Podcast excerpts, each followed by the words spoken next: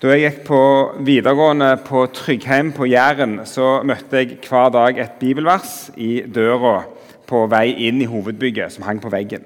Og Det var dette som er temaet for talen.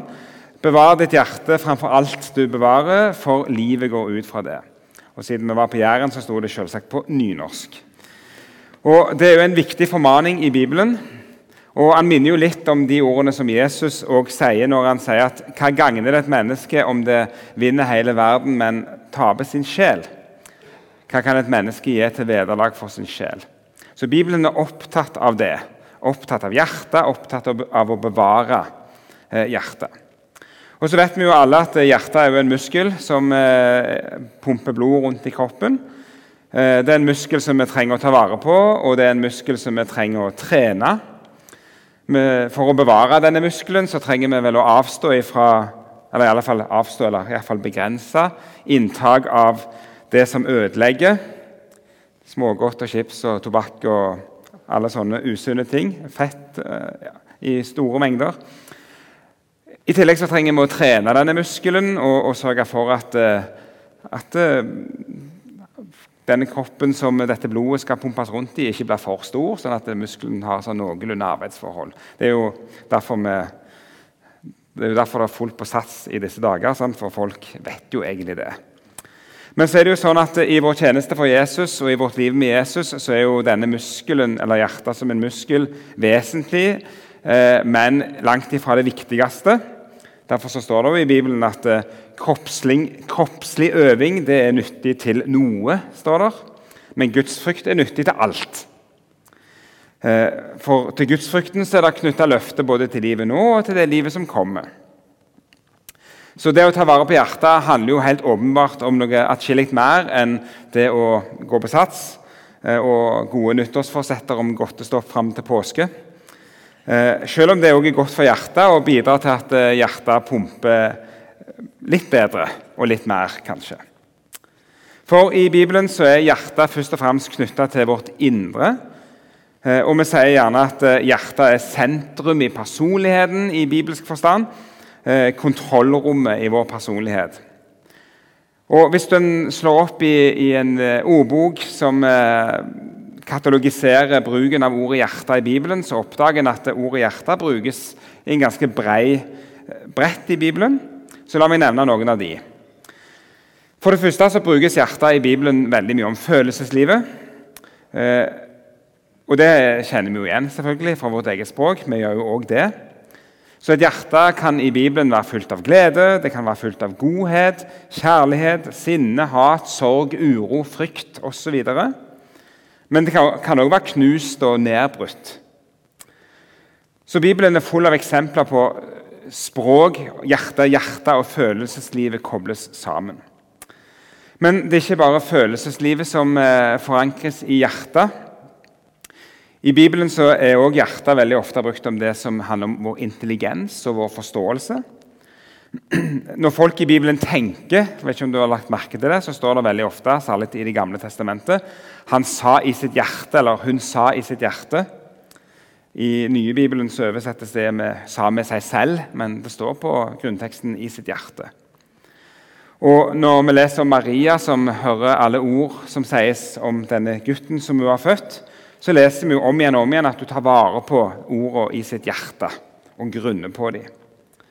Og Når Salomo som ung mann og nybakt konge ber Gud om visdom, så er det jo nettopp et lydhørt hjerte han ber om. Så hjertet handler om intelligens og forståelse. Videre så er også hjertet en plass hvor eh, vilje og tilbøyeligheter hører hjemme. Derfor kan et hjerte i Bibelen være hardt, ondt, og villig og vågent osv. Og Vi leser mange plasser i Bibelen at noe ble gjort med et helt hjerte. og Det er jo igjen et uttrykk som vi har i vårt eget språk. Vær helhjerta. Gjør det av fullt hjerte. Og Det handler jo om, om en beslutning, holde fast ved en beslutning, standhaftighet, viljen. Og Litt i forlengelsen av dette ordet vilje eller beslutning så ser vi også at dette med, med å tro, komme til tro, er også knytta til hjertet tro og ønske om å følge Jesus er jo gitt og skapt av Gud, men det er jo noe som skjer i hjertet, og hjertet blir engasjert og aktivisert når Gud skaper denne trua. Derfor så leser vi at Guds ord mottas i hjertet, og det med hjertet en tror, står der. Og så hører vi òg i Det gamle testamentet løfter om hvordan Gud skal omskjære hjertet og innvie det til seg. Som andre ord, det, det, å ta vare på hjertet handler om veldig mye, og hjertet brukes om veldig mye i Bibelen.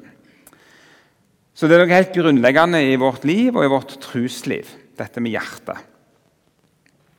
Og så er det altså denne teksten da, fra Ordspråkene 4 som er utgangspunktet og tema for denne talen. og Jeg tenkte vi skal lese den i en litt større helhet. Og Da skal, jo, skal jeg bare være litt nerd først. Det får dere eh, leve litt med. Men altså, Salomos ordspråk er jo en spennende bok i Bibelen som eh, jeg pleier av og til å kalle det for Guds Twitter-konto. Eh, for han er så full av sånne små, korte, fundige utsagn. Særlig fra kapittel 10 og ut så er det veldig mange tweets. Mens i kapittel 1-9 det er litt mer, sånn, litt mer sammenhengende tekst. Litt mer sånn eh, utleggelse, på en måte. Ikke så mye sånne korte fundord på samme vis. Og det vi oppdager da, er at Det er en viss struktur eh, og noen strukturerende elementer i ordspråkene. og Et av de er utsagnet 'min sønn'. Så nå kommer det lille nerdepunktet mitt. bare, at det, eh, det er flere sånne 'min sønn', særlig i kapittel 1-9, der er 15 av 22 forekomster å finne. Og når vi ser da, eh, så står altså dette verset som vi har som tema, i vers 23 i kapittel 4. Men hvis du legger merke til, så begynner altså på en måte I vers 20 så er det et 'min sønn'-utsagn. Og Når du blar om til 5.1, så er det et nytt 'min sønn'-utsagn. Så Hvis jeg på en måte tar på meg mine eksegetiske briller og er litt sånn eh, fagmann som har undervisning på, på Fjellhaug, så vil jeg gjerne da si at eh, her har vi et eh, godt argument for å si at disse versene utgjør en litt større enhet. Ok? Så var, Nå kom litt den litt sånn nerdete. sant? Men poenget er da at eh, vi, vi kan gjøre lurt i å lese dette som en sammenhengende enhet og, og, lese det litt i den konteksten. Så derfor så, Det var et langt argument for å si at vi skal lese vers 20-27. Men jeg hadde lyst til å bare modellere litt sånn eh, nerderi i tillegg. For det, det er jo en liten sånn biprodukt ved, for oss driften at det skal være en liten, sånn, eh, liten hånd til, til, de som syns sånt er litt gøy. da. Så la oss da lese fra vers 20. Min sønn, akt på mine ord Bøy ditt øre til min tale. La dem ikke vike fra dine øyne, bevar dem dypt i ditt hjerte. For de har liv for hver den som finner dem, og legedom for hele hans legeme. Bevar ditt hjerte fremfor alt du bevarer, for livet utgår fra det. Hold deg fra svikefulle ord, og la falske lepper være langt fra deg. La dine øyne se bent fram og la dine øyelokk vende rett fram for deg. Gi akt på den sti din fot skal gå, og la alle dine veier være rette.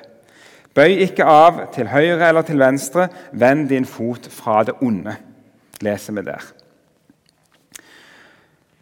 Og som sagt så, så kan vi gjerne si at dette kjente, kjære vers 23 står midt i denne, eh, dette avsnittet og er et slags sentrum i avsnittet. Og Så skal vi se litt på hva dette, denne helheten hva det kaster lys, eller hva type lys kaster det over dette berømte 'ta vare på ditt hjerte'-ordet.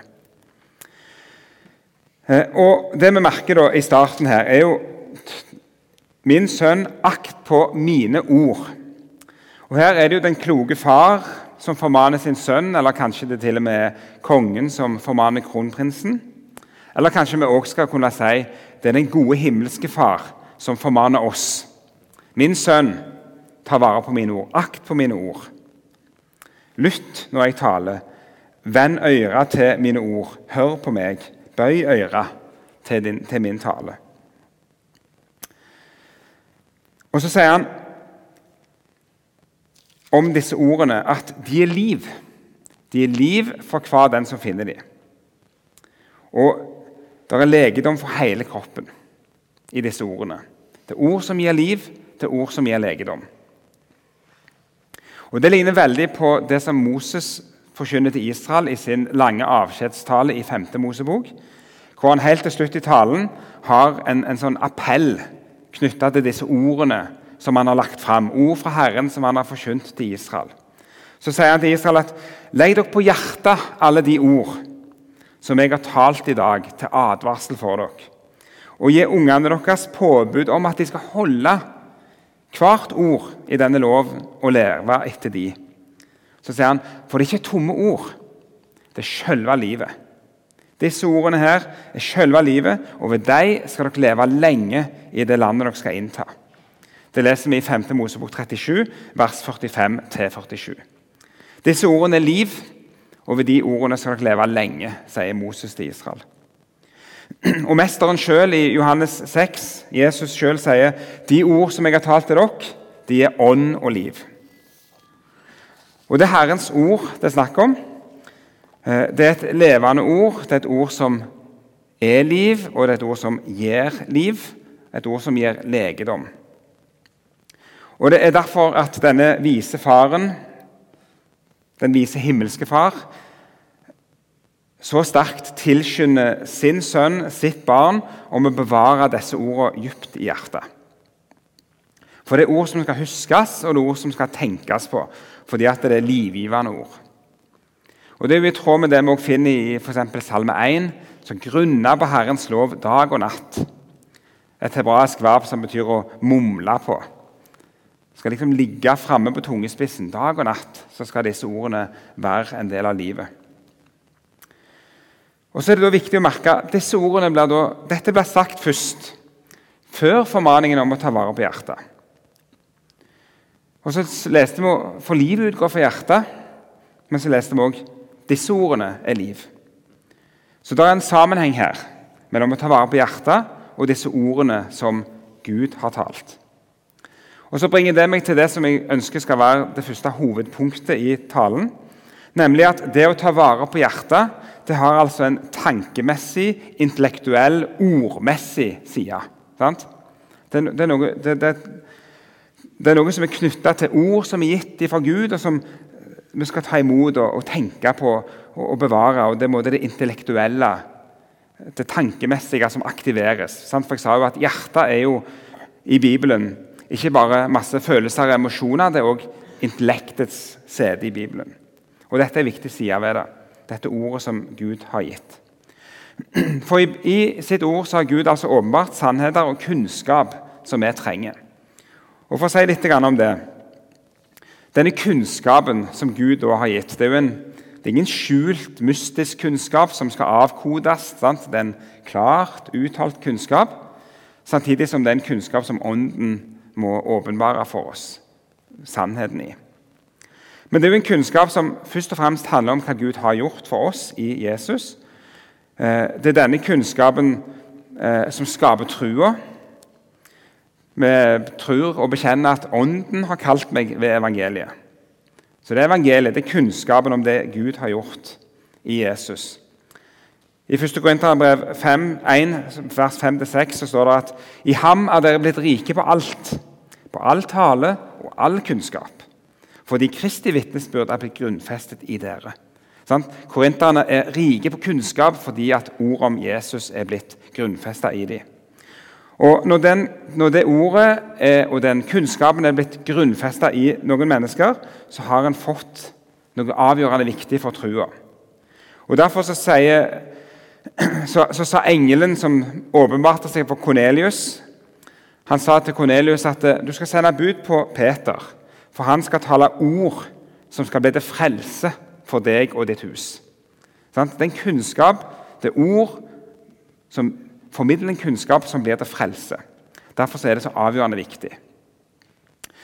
Videre så er jo ikke det bare en kunnskap som skaper trua, men det er også en kunnskap som gjør at vi vokser i helliggjørelse og setter oss i stand til å tjene for andre og verden.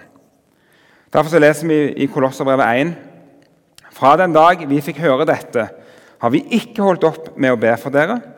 Vi ber om at dere må bli fulgt av kunnskap om Guds vilje og få all den visdom og innsikt som Ånden gir. Da kan dere leve et liv som er Herren verdig. og som helt og fullt er til glede for Han, så dere bærer frykt i all god gjerning og vokser i kjennskap til Gud. Så det er en kunnskap som, som ikke bare skaper tro, men også driver fram det nye livet og skaper og gjør oss mer og mer lik Jesus. Ved denne kunnskapen som virker og jobber Ånden i oss. Og så trenger vi denne kunnskapen fordi at den vil også kunne bevare oss. Den vil holde oss fast og sørge for at vi ikke roter oss vekk fra Jesus. For Ånden bruker denne kunnskapen, dette ordet, evangeliet, til å holde oss fast hos Jesus. Derfor så leser vi i Hebreabrevet 2 om å holde fast på det vi har hørt, så vi ikke glir vekk fra det. Og Når Jesus refser fariseerne, så er det nettopp det. Dere kjenner ikke Skriftene, og dere kjenner derfor ikke Guds kraft. Dere, har feil kunnskap, og derfor så er dere ofre for vær og vind. Og så drives, driver dere vekk. Så vi trenger denne kunnskapen for han holder oss fast. Og Det er fordi at nettopp denne kunnskapen det, den, den, setter oss også i stand til å bedømme. I møte med vær og vind så setter den oss i stand til å bedømme hva som er i samsvar med Guds vilje. Og, og Derfor skriver Paulus til filipperne i starten av Filipperbrevet dette ber jeg om, hans bønn for filipperne, at deres kjærlighet må bli mer og mer rik på kunnskap og all innsikt, slik at dere kan dømme om hva som er rett i de forskjellige spørsmål. For at dere kan stå rene og uten lyte på Kristi dag, fullt av rettferdsfrykt ved Jesus Kristus, Gud til ære og pris. Så altså Det første hovedpoenget jeg vil slå fast, er at det å bevare hjertet har altså en sånn intellektuell, kunnskapsmessig side. Det er en kunnskap vi trenger å ha. Det er et budskap, det er noen ord som vi trenger å bli fulgt med. For kunnskap om tro og teologi det er ikke bare noen sånn irrelevante greier som teologene holder på med på sine kontorer. Men det er noe som er praktisk. Eh, for det handler om en kunnskap som skaper trua, som bevarer oss hos Jesus, som bidrar til at vi får vokse i hellighet og bli mer like Jesus. Og den setter oss i stand til å vurdere og bedømme rett. Så en avgjørende viktig kunnskap. Så det å ta vare på hjertet handler også om å ta vare på denne kunnskapen. Disse mine ord. For de er liv, sier Gud. Så Det er bare på en måte det, sant, det første avsnittet, eller første delen av, av det som, som, er konteksten for verset om å bevare sitt hjerte. Det var denne kunnskapen, Guds ordet, som er livet. Vender vi tilbake igjen til, til ordspråkene fire og den siste halvdelen, så er det mer praktisk veiledning knytta til hvordan hjertet kan bli bevart, og den er mye mer retta inn mot liv og vandring. Derfor står det sant, fra vers 24.: Hold deg vekke fra svigefulle ord. La falske lepper være langt fra deg. La øynene se beint fram og la øyelokkene vende rett fram. Og gi akt på stien du går på, og la veiene være rette. Bøy ikke av verken til høyre eller til venstre, og vend foten vekk fra det onde, står det der. Det handler om vandringen og livet. Det handler om vår karakter. Det handler om munnen vår, øynene våre. Det handler om føttene, hendene våre, vandringen. Det handler om det vi sier, det handler om det vi fyller oss med, det handler om hvor vi går. Det handler på en måte om alle de små valgene vi tar. Og Ordspråkene er jo fulle av formaninger knytta til dette. her. Alle disse små tweetene som jeg nevnte. Fullt av sånne korte, fundige formaninger. Og Bibelen ellers er også full av små, livsnære, praktiske formaninger som nettopp skal hjelpe oss til å vende blikket rett vei, holde ørene retta mot de rette tingene, gå beint på veien. Og da jeg drev på og lærte å kjøre bil, så fikk jeg hele tida høre fra min kjørelærer at 'husk å se langt fram'. Fryktelig vanskelig sant? når du er stressa og har nok med kløtsjen. Husk å se langt fram. Og Det handler jo om to ting. Det handler om at ved å se langt fram kan du tidligere oppdage sant? farlige situasjoner, så du slipper å havne oppi dem. Men det handler òg om, om det å kunne ha en god kurs, en god bane, når du kjører. Så det ikke blir sånn nappete. Og tilsvarende, sant, Hvis du blir utfordret med å lage rett linje i snøen, så er jo løsningen for å få det til jo nettopp å feste blikket der framme og holde blikket. Så vil du gå beint. Og Det er jo det som sto i vår tekst. La øynene se beint fram eh, målet, ha målet retta der framme. For det handler om hvordan vi går på veien. Og I Bibelen så lærer vi at eh, i Hebreabrevet 12 blikket skal være festa på Jesus, troens opphavsmann og fullender. Og Den som er reist opp med Kristus, står der, skal søke det som er der oppe, der framme. Og Paulus skriver til Filipperne at én ting gjør jeg, jeg glemmer det som ligger bak, og så strekker jeg meg mot det som ligger der framme. Så det er blikket som er retta framover. Og I den bibelske visdomslitteraturen er også dette med veiene og valget mellom veiene veldig viktig. Og Hvis vi ser tilbake til forrige sånn Min sønn-avsnitt, altså det som er før eh, vers 20, da, vers 18 og 19, så leser vi om veiene. Og Det kan være interessant å merke seg. Der står det om de rettferdiges sti og de ugudeliges vei.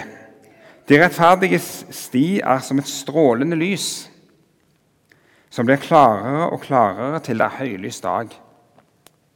De ugudeliges vei er som det dype mørket. De vet ikke hva de snubler over, står det der. Og Bibelen er full av dette med veien. Og det å velge rett vei, gå på rett vei. Og Det å ta vare på hjertet handler jo om det. Det handler om vandring, det handler om valg, det handler om vei vi går på. Det vi kaller helliggjørelse. Og Helliggjørelse er jo noe som skjer med hele oss, hele vår person, hele vår karakter. Og Bibelen sammenligner det med å bytte klær. Hvis dere slår opp i Efeserbrevet 4, vers 22 ut, så står det at vi skal ikke leve som før, men vi skal legge av oss det gamle mennesket, som blir ødelagt av de forførende lystne, og vi skal bli nye i sjel og sinn og kle oss i det nye mennesket, det som er skapt i Guds bilde. Så Det handler om å legge av seg de gamle klærne og kle seg i det nye, det nye mennesket. Bli mer lik Jesus, sånn at, eh, sånn at, han kan bli mer og mer få vinne skikkelse i oss. Og I livet så kommer det til uttrykk i måten vi møter våre medmennesker på, med kjærlighet, hvor vi leder til å hvor vi leder til å gjøre godt imot de som er rundt oss. Så det å ta vare på hjertet handler om å gi rom for denne kjærligheten og vandre på denne veien. Og det her med Helliggjørelse og bli mer lik Jesus det er jo et tema som ikke bare er lett å, å tenke på og snakke om. For den kristne vil veldig raskt erfare en sånn merkelig spenning i livet. På den ene sida så har vi allerede ved trua fått et nytt liv, et nytt sinn, en ny lyst til å følge Jesus og gjøre det som han har sagt. Samtidig som en erfarer å drasse med seg noe annet. Det som Bibelen kaller for det gamle mennesket. Og En har en sånn ekkel og vond og smertefull erfaring av et hjerte som så ofte er, føles delt. Der er det som noe som ønsker så inderlig gjerne å være lik Jesus og leve etter hans vilje. Og så er det noe som har fryktelig lyst til å stå på egne bein og slippe hans innblanding i livet. En ønsker liksom både å leve for Jesus, og så er det noe inni som også ønsker å leve for seg sjøl. Og så er det den spenningen som vi, lever i som kristne. Og Når Paulus skriver til kolosserne i, i det tredje kapittelet, vers 3-5, eh, så skriver han at dere er jo døde, og deres liv er skjult med Kristus i Gud. Men når Kristus, deres liv, åpenbarer seg, da skal også dere bli åpenbart i herlighet sammen med Han. La da det jordiske i dere dø. Hor, urenhet, lidenskap, ondt begjær, grådighet, som ikke er annet enn avgudsdyrkelse. Sånn merkelig, merkelig utsagn. Du er alt død, og du er skjult. Ditt liv er skjult med Kristus i Gud. Og du har fått Jesu liv. Og Samtidig som alt dette er blitt gitt ved trua, så står det likevel La da det jordiske dø. Drep det. Eller som Luther sier i, i forklaringen til dåpen Den gamle Adam skal daglig duppes ned og holdes under til han slutter å sprelle. Altså, det er liksom en sånn skikkelig saftig språk om å drepe og slå i hjel og døde og drukne. For det er liksom noe i oss som, som en må kjempe imot. Så dette med å vokse og bli mer lik Jesus, helliggjørelse, er liksom sånn to ting på en gang. Det er noe som allerede er blitt gitt oss. For vi har fått hele Jesu liv. Han har oppfylt hele Guds bud i mitt sted og gitt meg all sin og gitt deg all sin rettferdighet. Og Samtidig som du har fått alt, så er det et liv som skal leves der. Det er en hverdag, det er veivalg i hverdagen, og, og denne indre kampen er alltid til stede. De små valgene må alltid tas. Og Det er jo dette som adresseres her i siste del av avsnittet vårt i ordspråket. Hold deg vekke fra svigefulle ord. La falske lepper være langt vekke fra deg. La øynene se rett fram. Gi akt på den stien du, går, du skal velge, osv. Det er disse daglige små valgene. For det er så fort gjort å gjøre valg som ødelegger og river ned. Valg som fører oss vekk fra Jesus. Og Det er derfor vi formanes til å bevare hjertet. Og For å si det kanskje enda rettere, så trenger vi ikke bare at vi bevarer vårt hjerte, vi trenger jo dypest sett at Gud bevarer vårt hjerte. For det er jo til syvende og sist Han alene som kan bevare vårt hjerte. Og Derfor trenger vi veldig ofte å be bønnen i Salme 139. Ransak meg, Gud. Kjenn mitt hjerte. Prøv meg å kjenne mine tanker. Se om jeg går på avgudas vei, og led meg på evighetens vei. Det er jo responsen på formaningen i ordspråkene fire. Ransak meg, Gud. Kjenn mitt hjerte. Vis meg hva vei jeg går på, og led meg på den rette veien. For det er til sjuende og sist kun Gud. Guds fred som overgår all forstand, den skal bevare deres hjerter og tanker i Kristus Jesus, leser vi jo i Filipperne 4. Så det er denne freden som Gud kommer med, den freden som Jesus gir oss, det er den som bevarer vårt hjerte og våre tanker og holder oss på rett vei. Og så skal vi få stole på det. Vi skal få stole på at Gud er den som begynner og fullfører sitt verk i oss. Han er den som virker i oss både til å, til å ville og gjøre det som er hans vilje, leser vi. Og Derfor så kan vi få be bønnen i Salme 139 i tillit til Gud. Han er i stand til å ransake ditt og mitt hjerte. Han er i stand til å gi en beskjed hvis ting ikke er som det skal være, og vise den rette veien. Han er den som kan vise dine feiltrinn, og han er den som viser den rette kursen.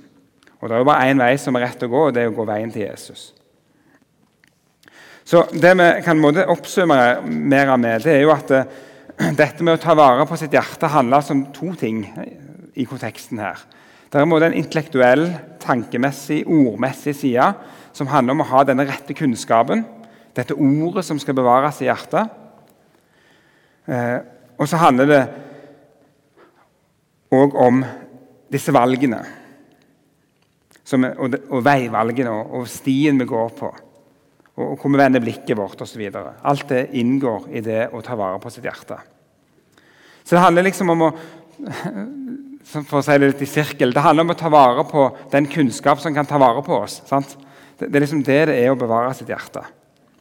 Det handler om å være hos Gud, for det er han som tar vare på oss. Og Derfor er det, liksom en, det er ikke bare å ta vare på, på, disse læresetningene og denne kunnskapen, men det er altså også dette praktiske, det å leve ut dette livet. Så vi er liksom nødt for daglig å ta opp kampen imot gifter som ligger og lurer under tunga vår. Vi må spare øynene for de mange inntrykk og de mange impulser som leder oss vekk fra Jesus og leder blikket vårt vekk.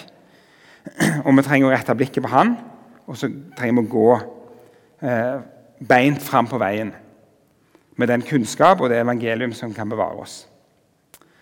For det er Jesus som er veien og sannheten og livet. Så la oss ta det med oss og avslutte med å vende oss til Gud i bønn.